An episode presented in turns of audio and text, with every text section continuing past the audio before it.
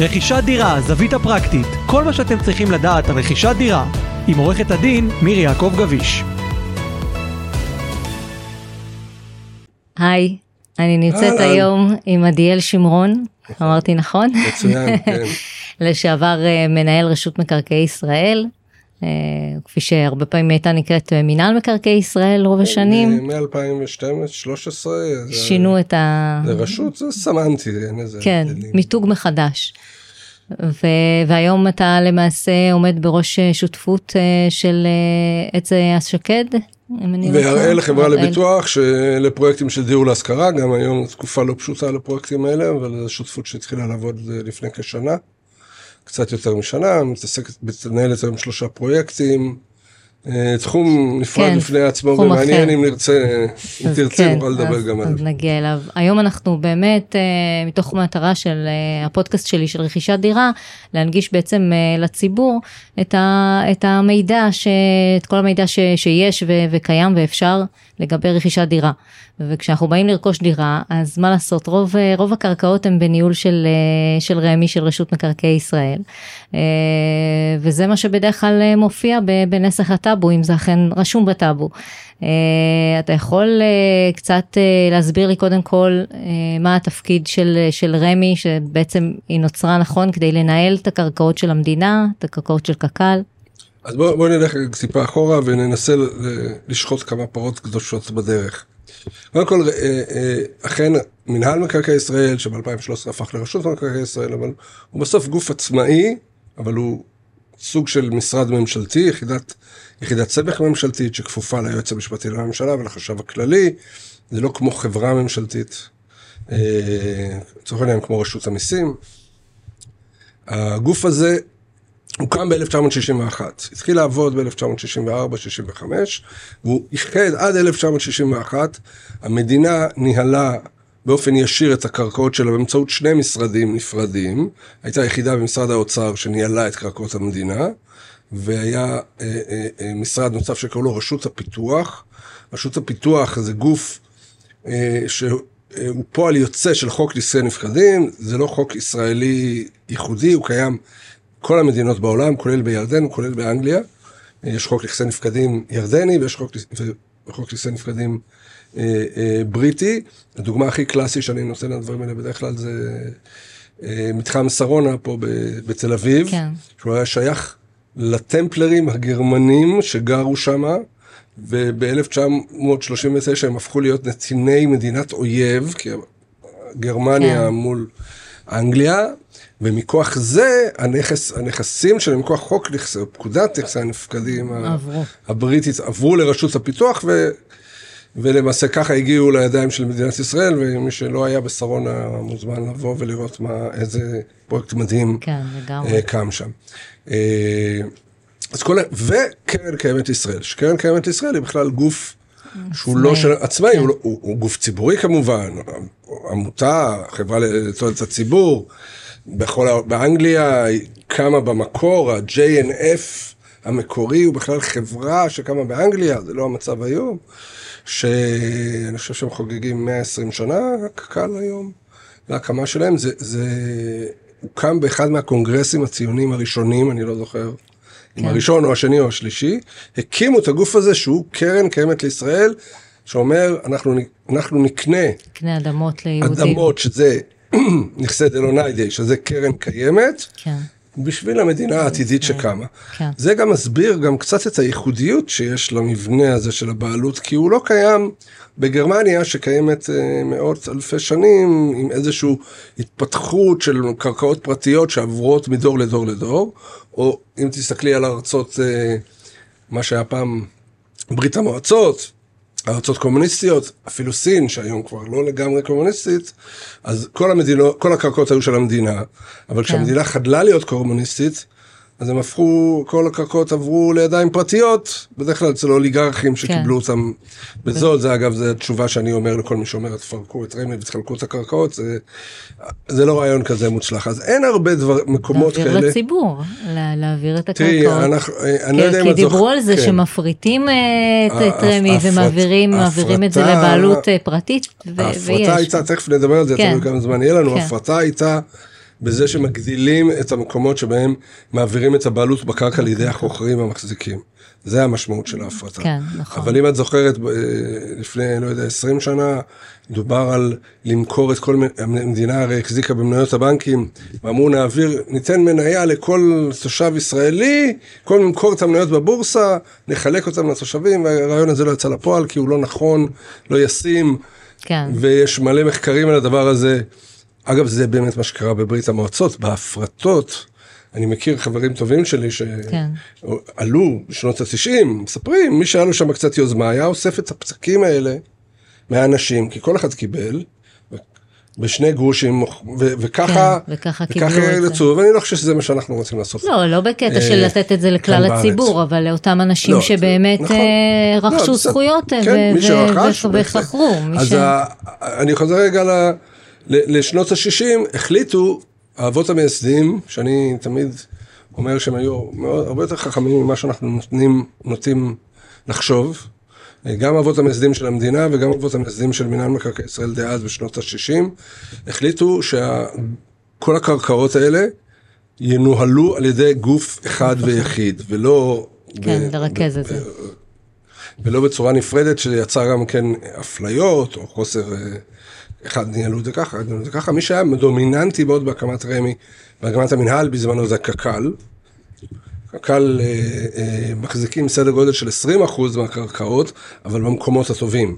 כי כן. קק"ל, תחשבי שהם קנו לפני 120 שנה, כן. אז הם לא קנו את מרחבי הנגב, הם קנו את גבעתיים, כן. הם קנו את אה, המרכז, כן, נתניה, המקומות הם. קנו בח- בחנקין בחדרה, בגבעת אולגה, הם כל מחזיקים השמות 20 האלה. אחוז, אבל מכלל הקרקעות כן, או מכלל הקרקעות. הקרקעות שאצלי, אז זה בניהול לא- רמ"י? זה לא הבדל גדול, כי הקרקעות כן, בניהול כן, רמ"י הם אז 93 90, אחוז. 90.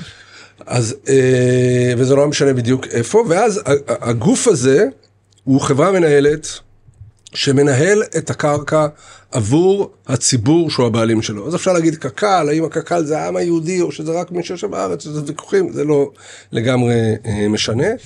ו... ועשו הפרדה בין הבעלות לבין הניהול. זה מאוד חכם, אני אומר, זה רעיונות של שנות ה-60, זה מאוד חכם בעולם שהוא פוליטי ודמוקרטי, בלי קשר למה שקורה היום, כי במקומות פוליטיים יש לחצים.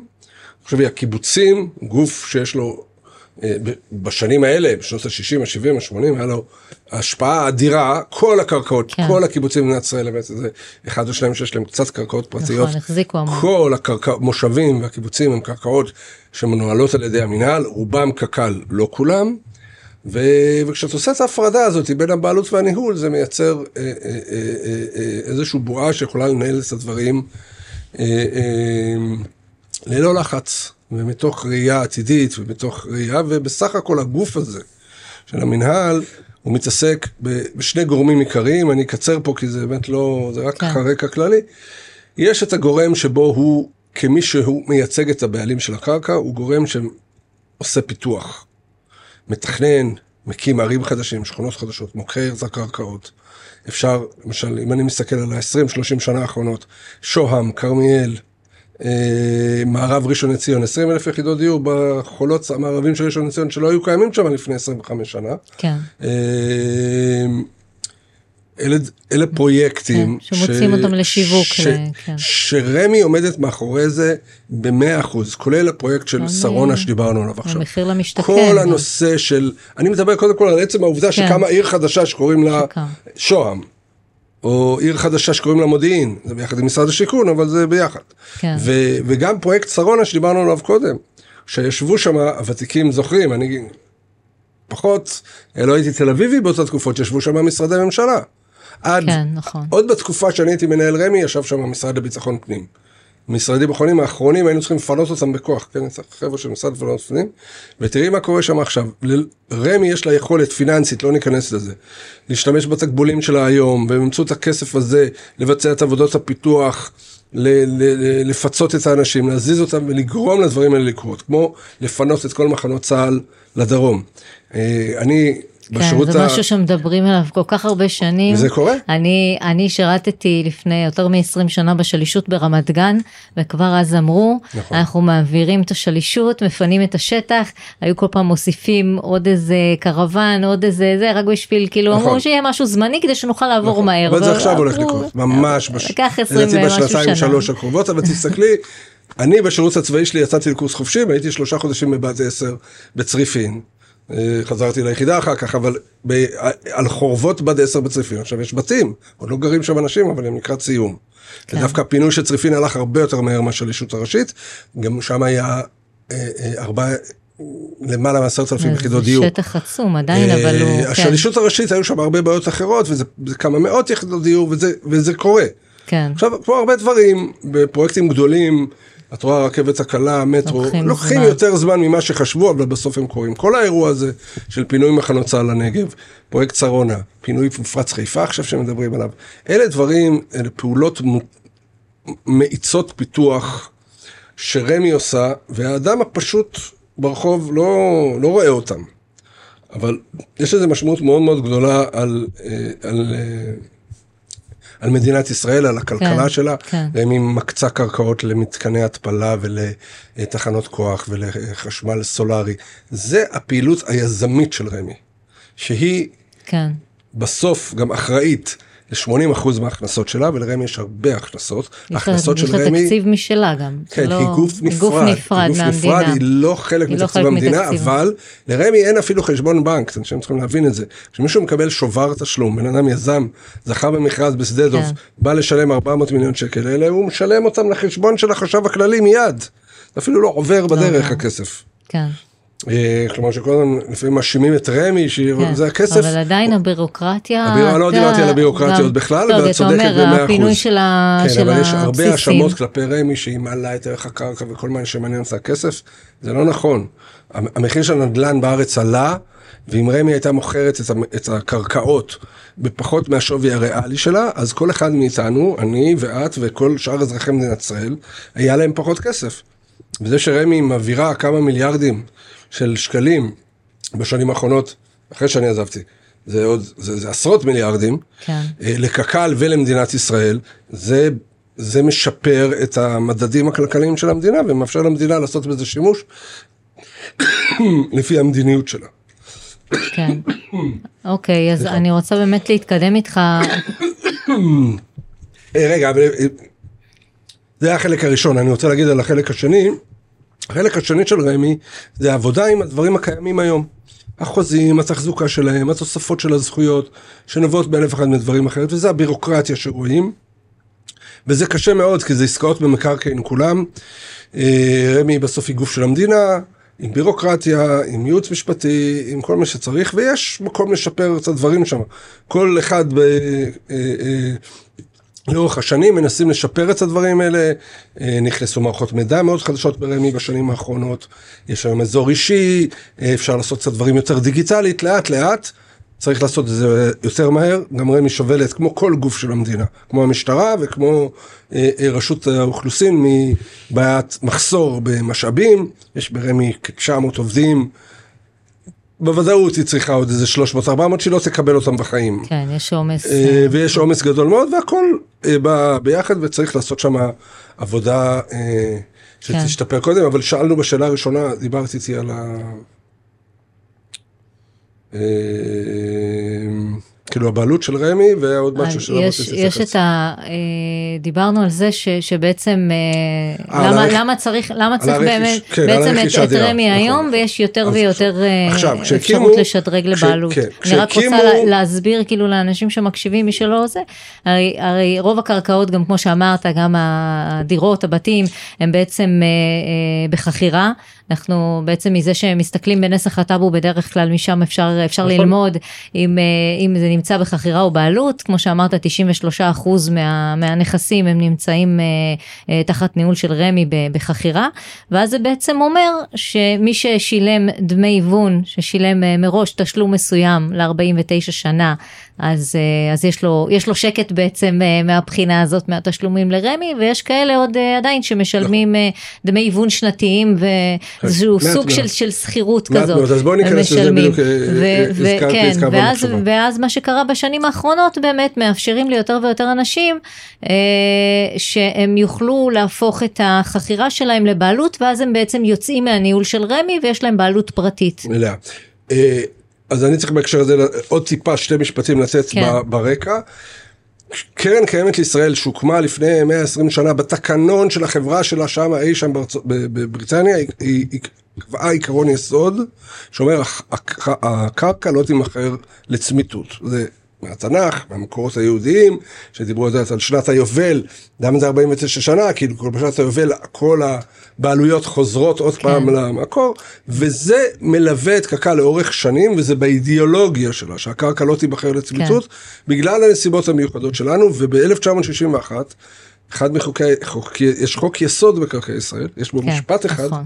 יש פה משפט, זה חוק עם סעיף אחד, שאומר הקרקע לא תימחק לצמיתות, אלא במקרים מיוחדים. כן. ולכן משם נובעה החכירה, אני יכול לדבר על זה עוד ארוכות, אבל אנחנו... כן, אבל זה להבין- לגבי הקרקעות של, הר- של קק"ל? כן, ו- לא, זה לכל הקרקעות, זה מה שאני אומר. הקרקעות? בסוף יצרו ב-1961 מערכת כללים זהה על כולם, על כולם. והמדינה אימצה, זה התנאי מאוד חשוב של קק"ל אז, המדינה כן. אימצה את הכללים האלה, וזה נכון היום לכל מקרקעי ישראל. לכל. מקרקעי ישראל זה קק"ל, רשות פיתוח ומדינה. כן. עכשיו דיברנו על אותם 93 אחוז, אני גם פה רוצה להגיד שצריך להבין שה-93 אחוז האלה זה מספר מטעה, כי בסוף, אה, ה- אך- זה לא מתחלק בצורה ליניארית שווה, כן, בהתפלגות כן. סטטיסטית שווה. אם אנחנו מסתכלים על העיר גבעתיים, העיר גבעתיים כולה על אדמת קק"ל, כולה, כולה, אבל כולה נמכרה כבר. כן. והיא נמצאת ב... ב, ב, ב, ב, ב הזכויות שמה שייכים לאנשים שקנו אותה, אין לרמ"י מגרש אחד בגבעתיים.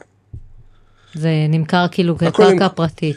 היום זה, זה היום זה, פרטית. זה או שזה קרקע, כלומר, או שזה קרקע שכבר הוחכרה או שזה קרקע פרטית. אם מסתכלים על תל אביב, נצלם רגע משדה דוב, שדה דוב זה אירוע טקטוני. כן. אבל אם נצלם רגע משדה דוב, לאן לרמי בתל אביב אה, קרקעות? מגרש פה, מגרש שם. ודאי לא מתקרב ל-90 אחוז, לא מתקרב ל-15 אחוז, ל-10 אחוז. כן. מצד שני, עיר כמו כרמיאל, כולה על קרקעות מדינה. עיר כמו מודיעין, כולה על קרקעות מדינה. יהוד שיושב על כפר ערבי קדום, כן. בשם הזה, אז, אה, אז גם כולו קרקעות המדינה. אז זה נורא משתנה, וכל הנגב קרקעות המדינה, וכל שמורות הטבע כמעט, כן. ו- אז זה נורא משתנה. כן. ה-93 אחוז הזה הוא רלוונטי למבנה הבעלות. עיר כן. כמו חדרה, שהיא עיר ותיקה, אגב זה, זה נורא קשור להיסטוריה, ראשון לציון, הבסיס של ראשון לציון, קרקעות פרטיות, מערב ראשון לציון יותר הייתה אה, קרקע של המדינה, וגם מה שקורה עכשיו בצריפין, שזה קרקעות של. מחנות, אה, מחנות אה, צבא. כן. אה, בחדרה, גם עיר ותיקה, רוב הקרקעות פרטיות. אה, גבעת אולגה יש קצת, אה, יש שטחים. אז זה נורא כן. משתנה, ה-93% הזה צריך קצת להוציא אותו מהראש. כאילו זה כן. משנה בכל מקום, זה זה שכל איפה. הנגב שייך גם ל- הנגב זה כבר למדינה. אחוז גדול מה- כן, מה- או, משטח או, המדינה. או השטחים הפתוחים, או חופי הים, או שטחי האש של מדינת ישראל, או השטחים החקלאיים, שזה רלוונטי לפעילות אחרת של רמ"י בעולם של קרקעות חקלאיות, אבל לא ניכנס לשם, אבל זה עוד תחום שרמ"י מתעסקת איתו, דיברנו על הקיבוצים והמושבים. ולכן, כשאתה רוכש דירה, ועכשיו אני קצת יורד למטה, כן. למה שדיברנו, כשאתה רוכש דירה מקבלן על קרקע שבמקור היא הייתה קרקע מדינה, אתה מקבל בשלב הראשון אכן זכות חכירה. אבל יש פה שינוי דרמטי שקרה בשנים האחרונות, שנבע מכך שרמ"י ניהלה נכסים וכל שנה, תחשבי כל שנה, בשנים כן, האחרונות, כל שנה מתווספים עשרות. אלפי נכסים, אז כן. נגיד, בהתחלה זה עשרת אלפים בשנה, עשרים אלף, היום אנחנו מדברים על חמישים, שישים אלף בשנה נכסים שמספרים, ולא היה שום פקק ששחרר את הדברים האלה למטה, כי הכל נשאר בחכירה. ולכן רמ"י עשתה שתי דברים. לשחרר. אחד, ודיברנו על זה קצת קודם לפני שהתחלנו להקליט, אחד זה לרשום את כל הנכסים האלה בטאבו אפילו בחכירה. ואז ההתנהלות נעשית מול לשכת רישום המקרקעין, מה שאנחנו קוראים, מה שהעם קורא הטאבו, ולא מנוהל על ידי רמ"י. וב' להתחיל להעביר בעלות. עכשיו העבירו בעלות בנכסים של בנייה רוויה גם לפני הרפורמה כביכול שעשו אותה ב-2009, אבל אחרי הרפורמה הדברים האלו הואצו. מה זה אותה רפורמה? במסגרת הרפורמה זה הקימו, הפכו את רמ"י ממינהל לרשות, אבל זה כן. החלק הפחות משמעותי. באו ואמרו בואו נתחיל להעביר בעלות. מאיפה נחמד הרעיון הזה של החכירה לצמיתות? זה אני מוסיף במילים שלי, כן? זה לא כתוב כן. בשום מקום. זה נורא נחמד, אבל זה קצת ארכאי, זה כבר לא רלוונטי. אולי זה בואו נעביר בעלות. אגב, היה ויכוח אידיאולוגי על הדבר הזה. את זוכרת את הדוגמה של גבעתיים? היה כן. ויכוח אידיאולוגי בכנסת, האם להעביר את הבעלות במגרשים של קק"ל בגבעתיים או לא. כן, אני חושב שזה זה לא, זה לא, זה לא, הוויכוח האידיאולוגי לא רלוונטי פה, כי הקרקע הזאת כבר נמכרה ממילא. כן, אבל, כלומר, אבל יש אבל מגבלה עדיין, עדיין- בהעברה עד- לזרים, כן. יש עדיין את אז ההערה הזאת. אבל, אבל אפשר להעביר בעלות ולהשאיר את המגבלה הזאת. אני מדבר כן. איתך עכשיו. דווקא אנשים מהצד הימני של המפה הפוליטית אמרו, מה פתאום, לא צריך להעביר בעלות, צריך לשמור את הקרקע, ואנשים מהצד השמאלי של המפה יותר רצו, מה שאגב הפוך מבחינת כלכלה חופשית וכלכלה ריכוזית, כי בדרך כלל שמאל הוא בעל כלכלה ריכוזית והימין הוא בעל כלכלה חופשית, אבל אני חושב שאנשים, כמו הרבה דברים במדינה שלנו, לא הבינו את הדברים האלה עד הסוף. המשמעות היא לא אם הבעלות רשומה או הבעלות לא רשומה, המשמעות היא, וזה הנקודה אולי הכי חשובה שהייתי רוצה להעביר בפודקאסט הזה למאזינים, המשמעות היא האם אתה נדרש לשלם תשלומים בכסף כן. לרמ"י עבור פעולות שאתה מבצע בנכס שלך. במר... ב-99% מהמקרים שמדובר בהם בדירות בנויות, אה, דירות אה, במה שאנחנו קוראים בנייה רוויה, שזה בית משותף, כן. יותר מארבע דירות בבניין, אה, שתי דירות בקומה, שזה הגדרה של בנייה רוויה מבחינת רמ"י, אתה לא נדרש לתשלומים. אתה יכול לעשות מה שאתה רוצה. להרוס את הבניין, לבנות מגדל אייפל, ודאי לעשות התחדשות עירונית. כן. וזה השאלה הגדולה, ולא אם אתה רשום כבעלים בקרקע או לא רשום כבעלים בקרקע, אלא אם אתה נדרש, לה, אתה נדרש. לעבור. ולכן באופן אוטומטי, ברפורמה של 2009, אמרו, אנחנו אה, אה, נעביר בעלות בכל הבתי, בכל הדירות במדינת ישראל, או מקרקעי ישראל, שהן בנייה רוויה. כלומר שזה לא אוקיי. קוטג' או בנייה נמוכת קרקע. כן, עכשיו במסגרת הוויכוח האידיאולוגי שהזכרתי אותו קודם, אז מצאו איזה צריק כזה כמו שתמיד מוצאים. גם בחוק המקורי המקורי של רשות, של מנהל מקרקעי ישראל, אותו חוק יסוד שהזכרתי, היה כתוב, למרות שכתוב שהקרקע לא תימכר לצמיתות ורק בחכירה, 100 אלף דונם אפשר להעביר בעלות. כי גם אז הבינו שלפעמים יש כן. סיטואציות שצריך רק להעביר בעלות. כשמדובר בדירות כן. אבל, כש- ש- לא, שרשומות, בחוק לא, זה לא כתוב. היה כתוב אוקיי. מלך. אז בגלל שהתחיל הוויכוח האידיאולוגי הזה, אם זה נכון או לא נכון, ששוב אני אומר, בעיניי הוא לא רלוונטי, הרלוונטיות היא האם נשארת שליטה על הקרקע, לא נשארת שליטה על כן. הקרקע, ולא אם רשום בעלות או לא רשום בעלות. והגדילו את המאה אלף דונם האלה ל-300 אלף דונם. כן. זה כל מה שעשו. אבל לצורך העניין הכילו את זה רק לגבי דירות, כמו שאתה אומר, לא, בבנייה הכילו את זה על רוויה. הרבה דברים, אבל הכילו את זה על, על... זה מוחל על כל סוגי היהודים הקיימים, אבל גם פה זה מתחלק בין מקום שבו מעבירים את הבעלות בתמורה, או שלא בתמורה. מה שאני דיברתי עד עכשיו זה העברת בעלות שלא בתמורה. שבה רמ"י ואומרת, לא רוצה לטפל בדירות כן. שלכם, אני רוצה שאתם תעבדו כן. מול הצו כמו.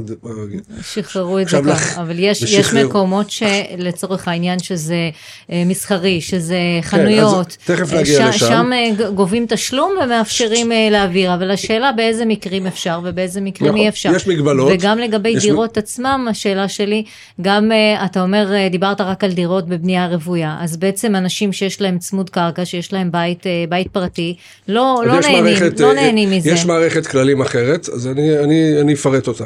אני רוצה כן, כן להגיד לגבי הדירות, שבגדול, כשאתה רוכש דירה שהיא על מקרקעי ישראל והיא בבנייה רוויה, אתה יכול להיות בסך הכל רגוע. כן. פה יש מצב שיש הבדל בין נכסים ישנים, לא ישנים מאוד אפילו, אבל ישנים של לפני 20 שנה או 15 שנה והלאה, לבין נכסים חדשים.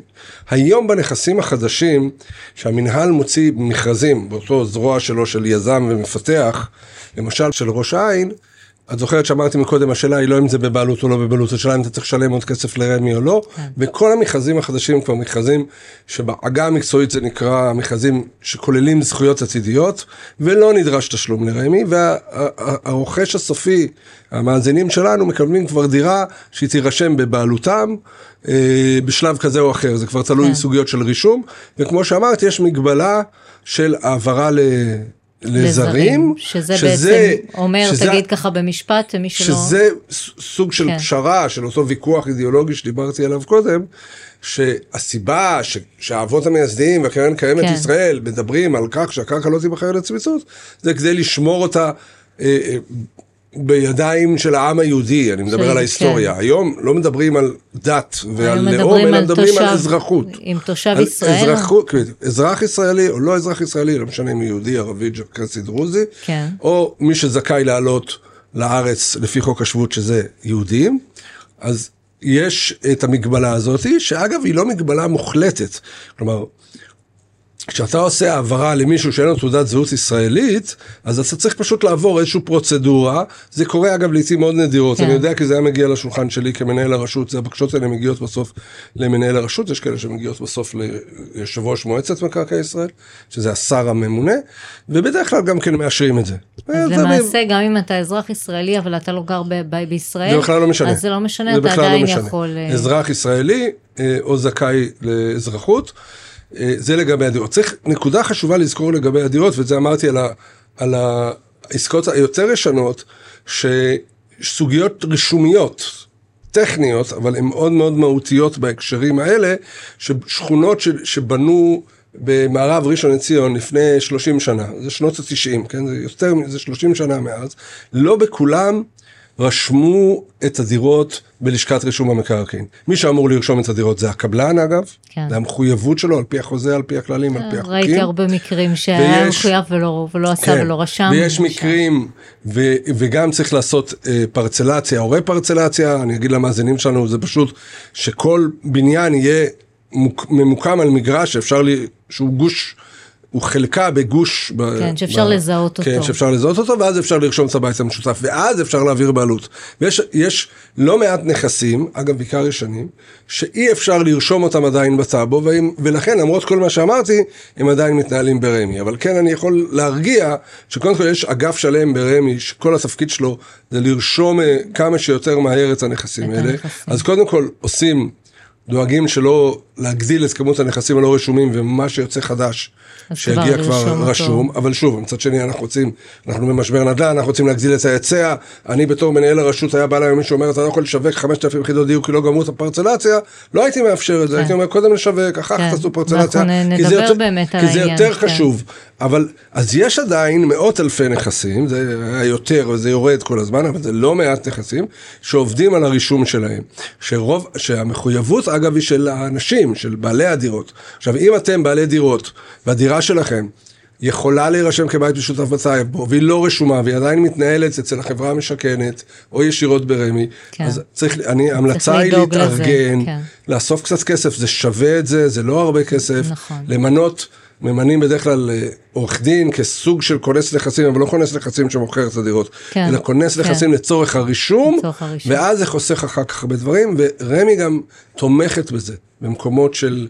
שיש אה, באמת קבלנים שפשטו רגל ואין עם מי לדבר, רמ"י נותנת סיוע, אבל זה לא יכול לבוא בלי כן. התארגנות של האנשים. זה לגבי אה, דירות בבנייה רוויה, זה נכון גם לגבי התחדשות עירונית ותמ"א 38. הכלל הוא ש... אתה לא נדרש לאישורים של רמ"י לביצוע פעולות של התחדשות עירונית וסמ"ה 38. כן. עכשיו יבואו ויגידו, רגע, רגע, הנה, פה יש לי את המקרה ההוא שכן היינו צריכים.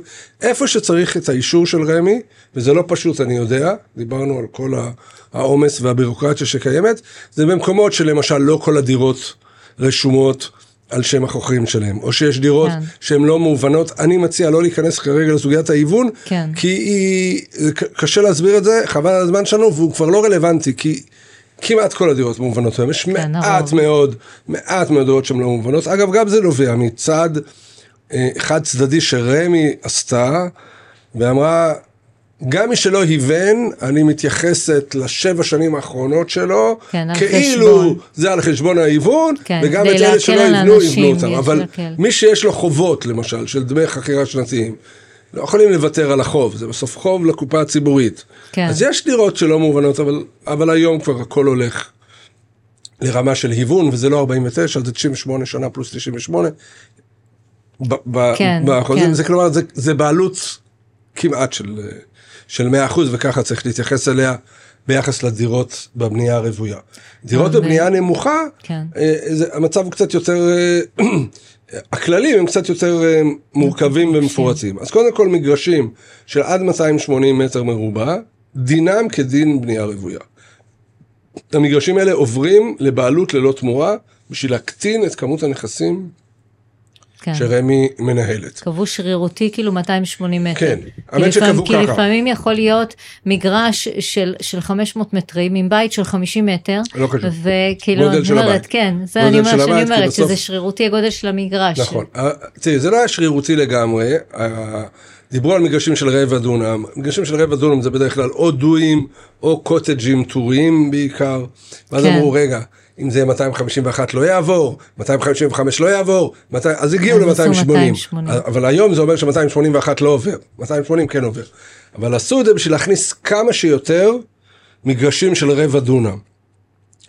ש, שגם כן. אם זה 30 מטר יותר מרבע דונם, אז כמה שיותר מגרשים יעברו ללא תמורה, ורמ"י עושה את זה באופן אוטומטי, מה זאת אומרת אוטומטי? איפה שיש פרצלציה, איפה שאפשר לרשום את הדברים, היא שולחת לך הודעה, גם כן הכל כן, משפטי, נכון. הרי לכאורה אומרים, אני לא יכול להכריח בן אדם להעביר את זה, ל- כן. לקבל את הבעלות בנכס. מקבלים איזה מכתב, אז מקבלים הכניסו מכתב, בחוק, כן. אגב, הכניסו בחוק ראשי של הכנסת, ששולחים לך מכתב, כן. ואומרים לך, אם אתה לא עונה תוך 60 יום, אנחנו רואים את זה כהסכמה שלך, אגב, היו איזה שניים, שלושה אנשים שהתנגדו? שהתנגדו ברמה האידיאולוגית, אמרו, לא, אנחנו רוצים שהנכס שלנו יהיה רשום על שם מדינת ישראל, זה מילא לא משנה, זה משהו יותר סמלי, כי, הוא, כן. כי אנחנו חוכרים אותו ל, ל, להמון המון המון שנים. אז מגרשים עד 280 מטר מרובע נחשבים כמו בנייה רוויה. מ-280 מטר מרובע, פה מתחילה התסבוכת. בסוף תראו, באתר של רמ"י, תחת העברת בעלות, יש טבלאות אה, מאוד, לא אגיד שקלות לקריאה, אבל לא מסובכות לקריאה, שמסבירות בכל ייעוד איפה יש זכאות להעברת בעלות. שהיהודים זה מגורים, כן. תעסוקה, אה, אה, תיירות, תעשייה וכן הלאה וכן הלאה. הבנתי. במגורים, בין 281 מטר עד דונם, יש אה, כלל אחד אה, עיקרי שמדבר על כך שהבעלות תועבר בתמורה של 9 אחוזים. זה לא משלים את ה-91 ל-100, יש לזה סיבות אחרות, אבל לא משנה. המדינה, למעשה, המדיניות שנקבעה אגב גם במועצת מקרקעי ישראל וגם בחוק של הכנסת, אומרת, מגרשים כאלה אנחנו לא רוצים להעביר בחינם, אנחנו רוצים להעביר לכם בעלות, תרדו לנו מהחיים, לא רוצים לראות אתכם יותר, אל תבואו, אבל אנחנו לא יכולים לעשות את זה בחינם, כי יש פה הטבה, כן. זה בסוף נותן את ההטבה הזאת רק למי שיש לו מגרש. זאת אומרת, בבנייה רוויה זה רוב אזרחי המדינה, נתנו את ההטבה לכולם. כן. ופה גם היו עתירות לבית משפט, זה לא, היה ניסיון להגדיל... מגרש שאתה מתכוון למגורים או שמגרש... מגורים, אה, מגורים. מג- אני מדבר כרגע על מגורים, כן. בין 281 מטר עד דונם. אז כאילו לצורך העניין גם מאפשרים לו להעביר לבעלות, פשוט זה הוא צריך בתשלום. לשלם תשלום. אגב, היה ה- ניסיון כן. של רמ"י כגוף מנהלי. כלומר, בואו נגדיל את זה מ-280 דונם ל-540. גם מגרשים של חצי דונם ניתן ללא תמורה, וניפטר מהם במרכאות. כן. וזה נעצר בעתירות בבית המשפט העליון. בית המשפט העליון אמר, בג"ץ, ההטבה פה היא כבר גדולה מדי. גדולה. ולכן עצרו את זה, ולכן כנראה זה גם לא ישתנה. אז בין 280 לדונם אתה צריך לשלם 9 אחוז, ואז אתה מקבל את הבעלות ומתנתק מהמינהל, מתנתק מרמ"י. אתה יכול לעשות במגרש הזה מה שאתה רוצה בעתיד. מעט מאוד, מעט מאוד אנשים מנצלים את היכולת הזאת להעביר בעלות. למה? כי אנחנו אנשים ישראלים, אה, אה, חיים את היומיום. כן, בדרך כלל לא גם מתעסקים נגיד בזה. שהמגרש שווה מיליון שקל. כן. אז 9% זה 90 אלף שקל. אז לא לכל אחד יש עכשיו 90 אלף שקל לשלם נכון. בשביל לעשות את הבית, ועשינו סקרים על הדבר הזה, להבין למה כן. מעט מאוד אנשים, כי זה לא החלטה כלכלית הגיונית. כן. ההחלטה הכלכלית ההגיונית, זה התחיל ב-2011-2012, עברו מאז 10 שנים, מי שלפני 10 שנים אמר אני לוקח הלוואה בריביות שהיו אז, כן. ובערכי הקרקע שהיו אז. אז הוא לא שילם 90 אלף שקל, הוא כנראה שילם 45, לקח הלוואה מאוד טובה, כן. והתנתק. והיום אם הוא ירצה לעשות את זה, גם ההלוואה תהיה יותר גבוהה, וגם יהיה זה יהיה יותר. 90 אלף שקל כן, ולא ה- 45. כל עוד בן אדם לא רוצה למכור את הבית, אז אבל הוא לא חושב על זה. אז מה, זה לא בדיוק רוצה- מה, ש... מה כן. שעלה מהסקרים, זה שאם בונים עוד קומה, מוסיפים עוד חדר, צריך כן. לעשות עוד משהו, עושים.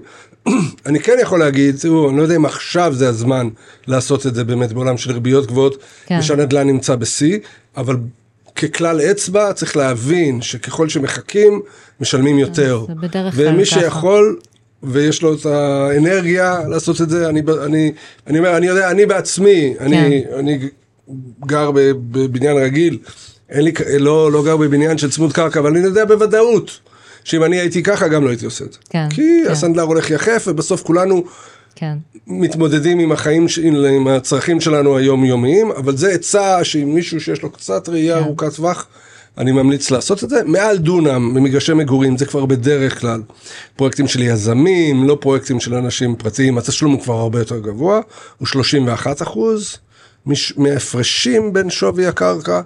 אה, אבל גם שם אפשר להעביר כן. בעלות עד מגרשים של חמש דונם, בחמש דונם זה נעצר. כן. עדיאל, אני באמת רוצה לעבור איתך קצת גם לנושא אחר שקצת התחלת לדבר עליו, לגבי כל העניין הזה של, ה, של הביקוש וההיצע, ומדברים עכשיו שיש אה, אה, על ירידה במחירי הדירות, אבל הרבה מאוד שנים אה, מדברים על זה ש, שהייתה עלייה מאוד, אה, מאוד גדולה, בגלל ש, שאין מספיק, אה, אין מספיק דירות, וש, ושהביקוש יותר גדול.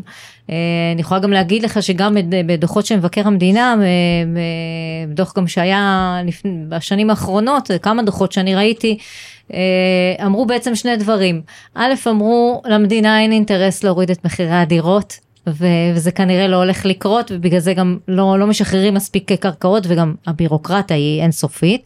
והדבר אה, השני שהיה באחד הדוחות האחרונים, אה, שגם אה, נגיד בנק ישראל אמר שם ש, שאין אין מספיק ו, ושההיצע לא, לא מספיק והוא לא עומד בקצב של, ה, של הביקוש וגם אם בונים אה, אה, סדר גודל של, של 40-50 אלף יחידות אה, בשנה, עדיין גם מספיק ש, שיהיה פער שהוא קטן, גם אם זה פער של 5,000 או 10,000 וכל שנה מצטבר.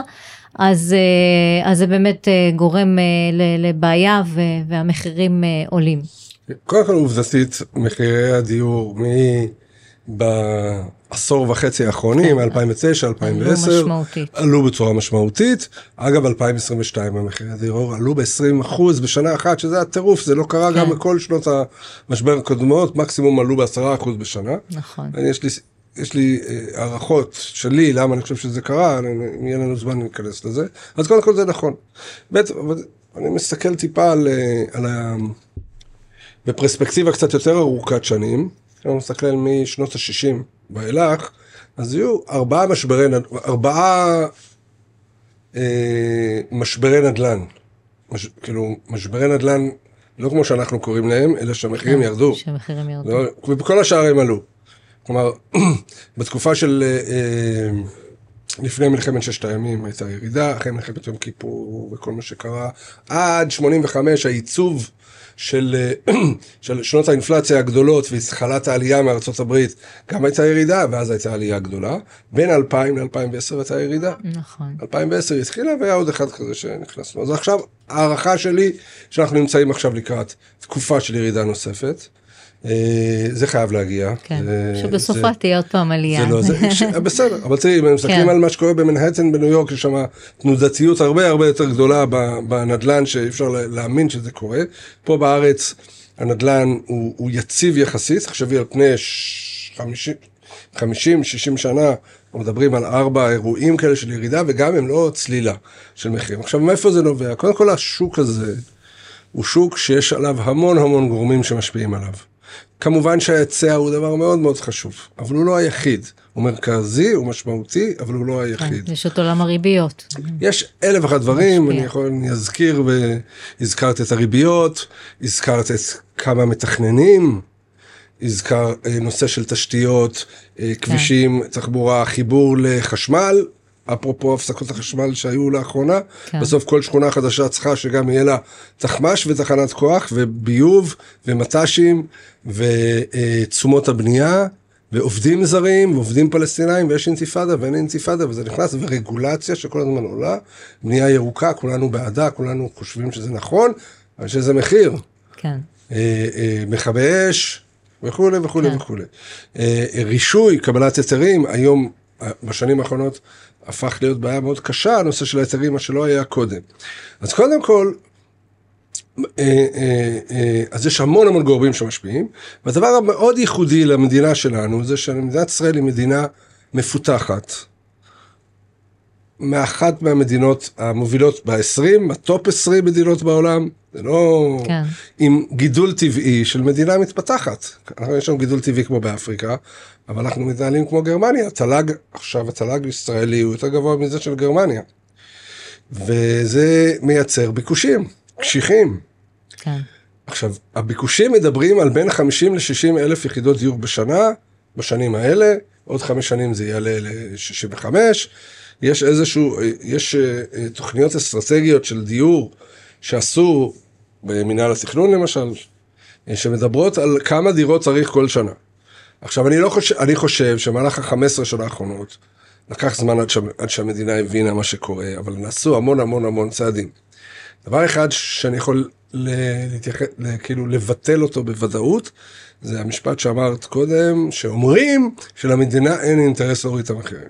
זה לא, זה אומרים, זה מבקר המדינה, כאילו כתב את זה בדוח מבקר המדינה. אני גם מרשה לעצמי לחלוק על מה שמבקר המדינה כותב בדוחות כן. שלו. אני חושב שהמסקנות של מבקר המדינה, לא החלק העובדתי, המסקנות שלו לא יותר טובות מהמסקנות שלי או שלך.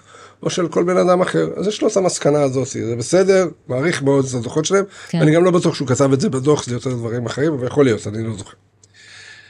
בתור מי שלפחות בין, אה, בין 2012 ל-2020 היה אה, ב, ברשות מקרקעי ישראל וחלק גדול מהזמן הזה בתור מנהל הרשות וישב בתוך החדרים עם אה, משה כחלון שהיה שר האוצר עם ארגז הכלים שלו וחברים טובים שלי מאגף תקציבים במקומות אחרים זה פשוט לא נכון, כולם הבינו ומבינים עד היום שהעלייה במחירי הנדל"ן זה סוג של משבר חברתי, ועשו את כל הפעולות כדי להוריד את המחירים. אין אף אחד שאמר, לא, ב, לא בקרב של השרים וקובעי המדיניות, וגם לא בקצב של הפקידות הבכירה, שאומרת, תעצרו, תעצרו, תעצרו שלא ירד, שלא ירד או שלא ירד, אבל זה לא נכון. אבל המדינה מרוויחה מזה המון כסף, מזה שזה עולה. המיסים הם מקבלים... א', זה נכון שהמדינה מרוויחה, אבל גם כשיש צמיחה כלכלית שלא קשורה לדיור, כשיש צמיחה של 5-6 בשנה בפעילות הכלכלית, המדינה מרוויחה, יש יותר מע"מ ויותר מס הכנסה ויותר...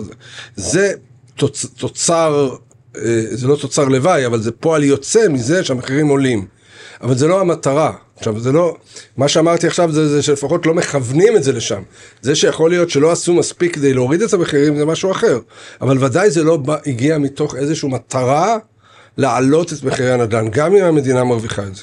כל, אנש, כל מקבלי ההחלטות בכל הרמות היו שמחים עם, המחיר, עם, עם הדירות לא היו עולים 20% בשנת 2022, לא, גם אם אין אה, אינטרס להעלות, אבל גם, גם זה נראה שאין אינטרס להוריד. אז אני, אז, כי, אז, כי, אז זהו, אני לפחות אחרת... מה שאני יכול להעיד כי אחרת הדברים היו גם זזים יותר מהר. יכול, אני יכול להעיד ממקור ראשון שבהחלט אה, בתקופות שאני הייתי בתפקיד, היה אינטרס גדול להוריד. כן. כל שרי השיכון, שאני עבדתי מולם, החל מאריאל אטיאס שהיה שר שיכון אה, בממשלה עד 2013, ואחר כך אורי אריאל היה שר שיכון, אה, יאיר לפיד היה שר אוצר. אה, אחר כך אה, בתקופה של משה כחלון כשר אוצר שאחראי גם לדיור, כל האנשים האלה בלי קשר לפוליטיקה, כולם רצו להוריד את המחיר. להוריד, ועדיין אבל פה, זה, זה לא עבד. פה, זה לא עבד, זה עבד במידה מסוימת, לא, אני לא חושב שזה לא לגמרי עבד. יש פה נושאת מטוסים שמאוד מאוד קשה להזיז אותה ימינה או שמאלה, ולדברים לוקח זמן. אבל אם מסתכלים, ודיברת על ההיצע, למשל, או על התכנון, אם מסתכלים על מה שקרה מ-2015 עד היום, אז המספרים של כמות יחידות התחלות הבנייה, והתחלות הבנייה זה גם קרקע מדינה וגם קרקע פרטית וגם התחדשות עירונית, בשנת 2022 היו 70 אלף התחלות בנייה, זה יותר ממה שצריך. ובשנה קודמת זה היה 60, בשנה קודמת זה היה 50, זה עלה, זה היה, בתחילת העשור זה היה 20 אלף. כן. והיום זה 70 אלף. אבל זה בדיוק העניין שנוצר פער. מאיפה זה בא? נוצר. מאיפה זה בא? זה בא מהעבוד, מהפעולות האלה שעשו. כן. משקיעים הרבה כסף בתשתיות. האיכות של התכנון בארץ, בקצה של היעילות שלו, בקצה של הזמן, השתפרה מאוד. היו דוח, כן. דוחות ממש דיברו על זה שלוקח לעשות תמ"א 11 שנה. זה לא קורה היום כבר. יש טבעות שעוברות בשנתיים, אפילו בפחות. ותמ"ל מייצר טבלאות בפחות משנתיים. עשרות אלפי יחידות דיור. יש בעיה עכשיו בהיתרים, צריך לטפל בה, בעיה ברישוי. כן. האמירה שאני אומר זה שזה עבודה סיזיפית יומיומית וצריך להמשיך לעבוד איתה כל הזמן, על כל הגורמים המשפיעים האלה, על התכנון, על התשתיות, על תשומות הבנייה, על העובדים, על הכל. עכשיו, כן. דיברת על הריבית.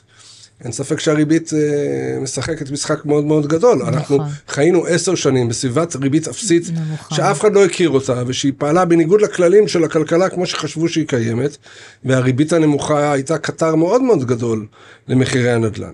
אני גם לא מסכים שחסרים חסרים דירות במדינת ישראל. צריך להבדיל בין מחסור לבין בעיות של ביקוש והיצע. אה, אם, אני שומע אמירות של אנשים חכמים מאוד, שאומרים חסרים 100 אלף דירות במדינת ישראל, 200 אלף דירות. רגע, רגע. אם חסרים 100 אלף דירות במדינת ישראל, זה בכלל לא משנה עכשיו, בעלות או שכירות, כן. איפה האנשים האלה?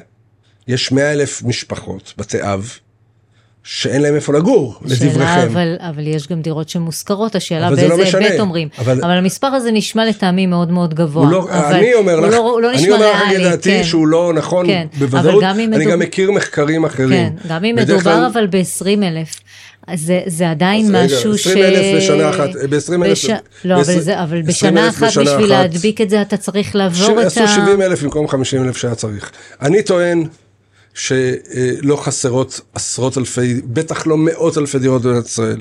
במהלך השנים האחרונות, במהלך עשר השנים האחרונות, נבנו המון דירות. בואי תסתכלי, כן. כל בן אדם נכון.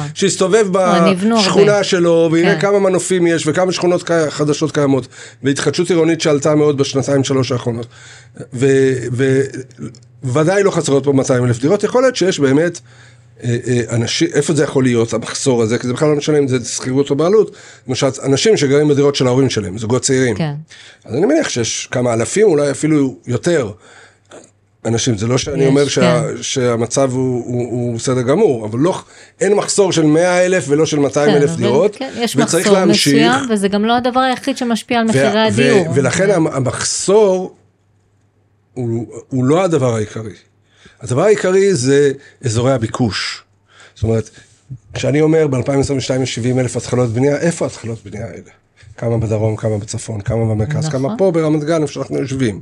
אז נכון, יכול להיות שבאזורי הביקוש, לא יכול להיות, בטוח, באזורי הביקוש יש בעיה של ביקוש גדול יותר מההיצע, מה שגורם לעליית מחירים. גם אם בסך הכל בתמונה הכוללת אנחנו נמצאים בצורה מאוזנת, אבל זה משתנה עכשיו קצת, כי הריבית הגבוהה מביאה היום למצב שאנשים לא יכולים לעמוד כבר במחירים האלה ורואים שהמחירים שבמכרזים של רמ"י, המכרזים שרמ"י מוציאה, מכרזים חדשים, כבר ההצעות לקרקע הן יותר נמוכות ממה שהיה לפני חצי שנה ולפני שנה. והמשמעות של זה שהדירות יהיו יותר זולות. עכשיו, שלא תביני לא נכון, ואני היום גם כן פועל כיזם בשוק הפרטי, הקבלנים היזמים ימכרו את הדירות במחיר הכי יקר שהם, שהם יכולים, בכלל לא משנה בכמה הם קנו את הקרקע.